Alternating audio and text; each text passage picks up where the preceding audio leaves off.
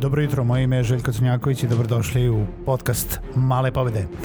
Posebna izdanja podcasta tokom perioda pandemije koronavirusa bave se trenutnim stanjem, poslovanjem u otežanim uslovima, adaptacije na novo nastale uslove i još mnogo čime. Budite sa mnom svaki radni dan od 8 sati, informišemo se i motivišemo se za novo nastalu situaciju. Pozdrav svima, dobro jutro i dobrodošli u novu epizodu podcasta Male pobede. Kao što je Ud rekao, moje ime je Željko Crnjaković i izuzetno mi je drago da ste i ovu epizodu podcasta sa mnom, nebitno da li je prva koju slušate ili već 200 i kusur koja. E, ukoliko to već dosta niste uradili, nemojte zaboraviti da se prijavite na bilo kojoj platformi za podcaste koju koristite e, na vašem mobilnom uređaju, nađete male pobede i ne propustite ni jednu epizodu, ide svaki radni dan od 8 sati. Ukoliko želite da mi pišete, postavite pitanje ili date neki predlog za temu kojom, koju bi volili da čujete na podcastu, pišite mi na malepobede.gmail.com ili na željko.malepobede.rs. Danas želim da pričam sa vama o jednom primeru biznisa koji se prilagođava na jedan ili na drugi način novo nastaloj situaciji, a tiče se biznisa u koji sam i sam upleten. Uh, ako neko zna, ako neko ne zna, uh, radi se o coworking uh, poslovanju, to jest o coworking, vođenju coworking prostora i coworking zajednicama. Um, ja sam negde tu 2013. godine, za one koji možda ne znaju, počeo da se bavim coworkingom. Uh, otvorio sam prvi coworking u Subotici, tu negde među prvim coworkingzima u, u Srbiji uopšte i m, od tada pa nadalje važi ili volim da kažem da sam jedan od uh, pa da kažemo uh, glasova coworking zajednice u ovom regionu, pogotovo u našem regionu, ali i u vezi sa kompletno Evropom. E sad, šta je coworking? E, znate svi, e, neću puno da dužim, ali coworking jeste radi zajedničke kancelarije e, u nekom svedenom smislu, to je iznemljivanje prostora za one ljude koji rade inače od kuće ili rade na daljinu i jel, coworking u najsvedenijem smislu jeste renta prostora, jeste rad sa nekretninom. Možete zamisliti da u ovo doba jel, pandemije koronavirusa u doba društvenog distanciranja i samoizolacije coworking prostori ne samo kod nas nego širom sveta dolaze u jednu nezavidnu situaciju gde im se ceo poslovni model uh, jel, ugrožava, dovodi u pitanje i primorani smo da ne samo edukujemo ljude i ono obezbedimo sve moguće uslove, mere predostrožnosti, bezbednosti u našim prostorima, već jednostavno u većini slučajeva i da zatvorimo. Um, jednostavno ljudi ne dolaze i, i ne, možeš, ne možemo ih ni savetovati da koriste neki prostor kao što je zajednička radna kancelarija uh, u, u, ov, u ovom periodu. Um, to se dešava ne samo kod nas, to dešava se svuda. E, kod nas je možda e, za one koji, koji znaju Srbiju možda čak i bolja situacija zato što se mi ne suočavamo sa toliko velikim, e, to je većina coworking prostora kod nas nisu toliko veliki, e, ima izuzetak, ali da, da bi imali neke enormne e, zakupe prostora kao što je to recimo slučaj u inostranstvu, kao što je to slučaj u Nemačkoj, u Holandiji, u Velikoj Britaniji, u Americi posebno uh, i, i svuda, svuda okolo. Uh, ono prvo što su coworking prostori uh, primetili i što je, jeste jedna uh, jedan veliki problem uh, koji je možda i naznak onog bitnog problema o kojem pričamo od samog starta ove, ove varedne situacije jeste da čak i u momentima kada kažemo da nije još slučaj da se moramo zatvoriti, da nije još slučaj da moramo da kažemo ljudima nemojte dolaziti, nego u sve moguće mere predostrožnosti i dezinfikacije, nabavljanje sredstava, alkohola, e, ovih e, gelova za ruke, e, dezdermana i, i bilo čega drugoga i edukaciju naših članova, ono što većina coworkinga, opet kažem ne samo u Srbiji, govorim vam zato što sam u kontaktu sa celom uh, Evropom, pa čak i Amerikom što se tiče coworking scene, uh, su primetili jeste prvo pad članstva, pad ljudi uh, koji dolaze u coworking prostor ne samo zato što je uh, situacija uh, sa virusom takva i zdravstvena situacija loša, nego zato što je mnogo ljudi, pogotovo oni koji rade na daljinu, a oni primarno predstavljaju male preduzetnike, male timove, male firme, čak i pojedince, freelancere, sve oni koji rade na neki po projektu, jel da, na gig uh, tržištu uh, od, od posla do posla, honorarce uh, su primetili naravno opadanje biznisa, opadanje posla, opadanje prihoda i samim tim imaju svo, svo, sobstvenu krizu. Kao i svaki drugi biznis, kao i moj preduzetnički biznis, kao vaš preduzetnički biznis, kao i velike korporacije koje prolaze kroz krizu, ali malima je to onako drž ne daj i e, prvo što će skratiti jesu ti neki troškovi koji ne moraju da plaćaju, a posle će da se misle kako će da prežive i kako će da se prehrane što se toga tiče. Naravno, odmah posle toga je došla i situacija da na, se preporučuje članovima da ne dolaze, da ne koriste prostor, da što više poštuju mere e, jel, društvenog distanciranja i samoizolacije i samim tim sve što coworking prostori su do sada radili, ono što je u kor biznisu, core uh,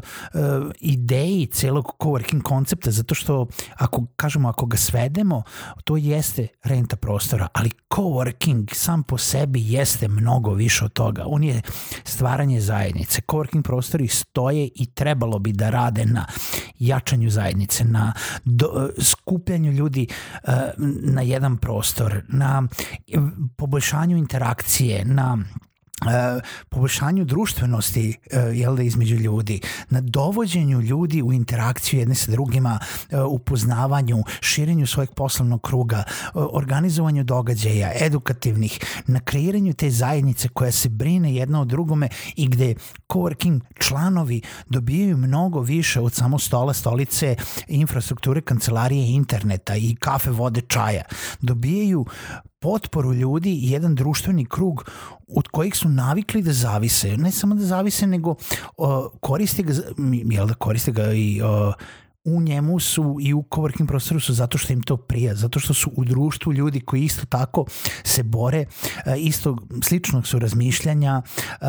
imaju iste vrednosti kao takve, a plus toga mogu da nađu ne samo i potporu, nego i pomoć i možda nove saradnike i neke nove izazove, e, kritike, savete, ali i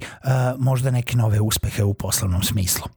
Sve to u ovom smislu se preokreće. I onda coworking prostori treba se zapitaju da li je stvarno sve što nudimo jeste stol i stolica ili sve ovo što sam do sada pomenuo jeste ta vrednost koju coworking članovi koriste i zbog čega su zapravo opredeljeni da, jel da su deo te coworking zajednice da li nešto od tih usluga možemo da nastavimo, da ponudimo, da budemo mi kao coworking operatori tu za naše članove u virtualnom smislu. Sad u, u ovu u ovom periodu rada od kuće remote worka, da li možemo da nastavimo sa tim nekim uh, um, aktivnostima ili nekim uh, vrednostima koje dajemo tim našim coworking članovima? Možemo i mnogo coworking prostora širom sveta je počelo da radi i prebacivalo uh, te svoje uh, pod navodnicima usluge ili te vrednosti koje coworking članovi dobijaju u tu neku virtualnu formu. Naravno tu su uh, pojedine uh, mere gde ćemo mi da uh, možda skratimo neko članstvo, možda ustupimo uh, uh, neke popuste za coworking članove, izgubimo neke coworking članove zato što jednostavno nemaju mogućnosti, nemaju sredstava da ostanu ovaj kao članovi, ali imamo više mogućnosti koje možemo da ponudimo ako malo inoviramo, ako se malo adaptiramo svemu uh, jel da, novo nastaloj situaciji, a tu je naravno usluge virtualne kancelarije. Uh, obezbeđivanje da vaši coworkeri imaju konstantnu komunikaciju kako sa vama, tako i među sobom. To su Slack grupe, to su Teams grupe, to su uh, drugi chat programi gde možete da napravite različite kanale gde oni mogu da ostanu u kontaktu sa svima i pored toga što su samo izolovani, što se nalaze svako samo od njih kod kuće. Zatim tu su neki online edukacije, tu su neki online načini održavanja događaja kao što su webinari, kao što su uh, Skype predavanja, kao što su Zoom dešavanja. Tu su virtualne kafe. Svemu ovome sam pričao već na pojedinačnim epizodama, ali ovo konkretno sad za coworking operatore ili za članove, možete da znate šta bi mogli da očekujete. Ako ste član nekog coworking prostora, kažite šta vam je potrebno. Coworking prostori organizuju i neke mentorske sesije, ako ste to imali i kao ponudu unutar coworking prostora. Organizuju uh, savetovanja, uh, možda mogu nešto da vam odrade, da vas spoje sa osobom sa kojom bi inače